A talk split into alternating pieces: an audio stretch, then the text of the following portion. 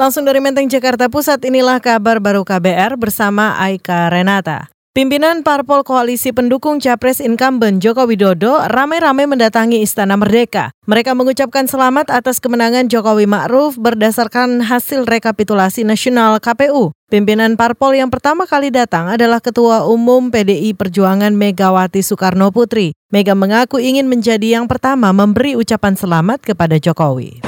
Belum dong, kan itu tunggu sampai tanggal eh, bulan Oktober Ya, tapi yang paling pasti saya datang dan dengan Pak Tri karena saya kan sebagai ketua umum partai dan saya kan juga sebagai ketua dewan pengarah BPIP. Makanya saya ajak Pak Tri, tuh ayo hmm. Pak bareng-bareng kasih ucapan selamat supaya kita nomor satu, jangan yang lainnya dulu. Ketua Umum PDI Perjuangan Megawati Soekarno Putri mengaku belum ada pembahasan tentang arah pemerintahan Jokowi periode kedua, termasuk soal wacana merapatnya Partai Demokrat dan PAN. Pimpinan parpol pendukung Jokowi juga kompak bungkam ketika ditanya soal rencana pembagian kursi menteri.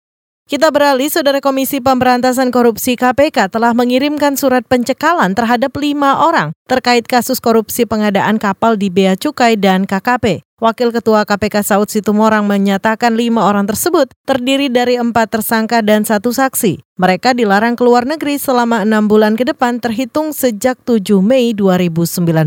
Dan untuk kepentingan penyidikan, KPK telah mengirim surat pelarangan keluar negeri terhadap lima orang pada pihak Dirjen Imigrasi, disampaikan suratnya, yaitu terhadap dua orang tersangka dari Dirjen Bea dan Cukai, IPR, pejabat pembuat komitmen, HSU, Ketua Panitia Lelang. Satu orang tersangka dari KKP, ARS, pejabat pembuat komitmen, satu orang dari tersangka dari PT RDU, yaitu AMG, Direktur PT DRU, kemudian satu saksi dari PT DRU, yaitu Stephen Angga Prana, karyawan PT DRU. Dalam perkara ini, Saudara KPK menetapkan empat tersangka kasus korupsi pengadaan kapal di Bea Cukai dan KKP. Total kerugian negara diperkirakan lebih dari 170 miliar rupiah.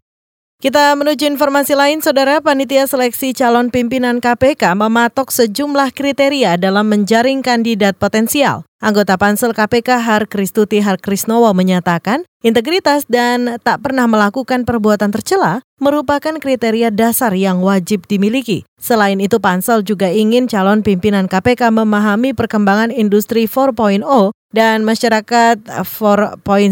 Hal ini penting karena mereka dituntut kreatif dalam merancang strategi pemberantasan korupsi di masa mendatang. Kami berharap bahwa bahwa komisioner yang akan terpilih nanti memang benar-benar pertama tentu saja punya kompetensi, yang kedua punya integritas dan juga mau berpikir out of the box ya. Kita sudah memasuki revolusi industri 4.0 dan uh, society 5.0.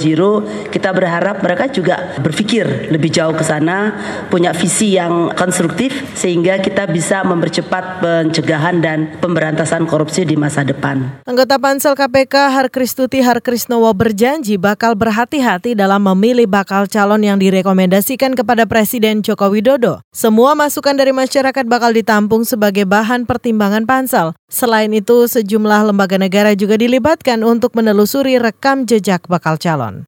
Kita beralih saudara tersangka kasus dugaan makar Lius Sungkarisma diduga telah kooperatif dengan penyidik. Sebelumnya pendukung Capres Prabowo Subianto ini berjanji tidak bakal menjawab pertanyaan saat diperiksa. Juru bicara Polda Metro Jaya Argo Yuwono menyatakan Lius juga tidak jadi melakukan mogok makan. Selama proses hukum kasus ini, ia memastikan hak-hak Lius akan dipenuhi. Ya kan kita juga memberikan waktu dan ruang hak-hak tersangka ya di sana. Misalnya ya capek ya kita lanjutkan besoknya. Jadi tidak sekaligus kita langsung menyelesaikan satu pemeriksaan. Saudara, kemarin Lius Sungkarisma ditangkap di rumahnya di kawasan Jakarta Barat dan langsung dibawa ke Polda Metro Jaya. Polisi menyita sejumlah dokumen, rekaman CCTV, dan telepon genggam. Demikian kabar baru dari kantor Berita Radio KBR, saya Aika Renata.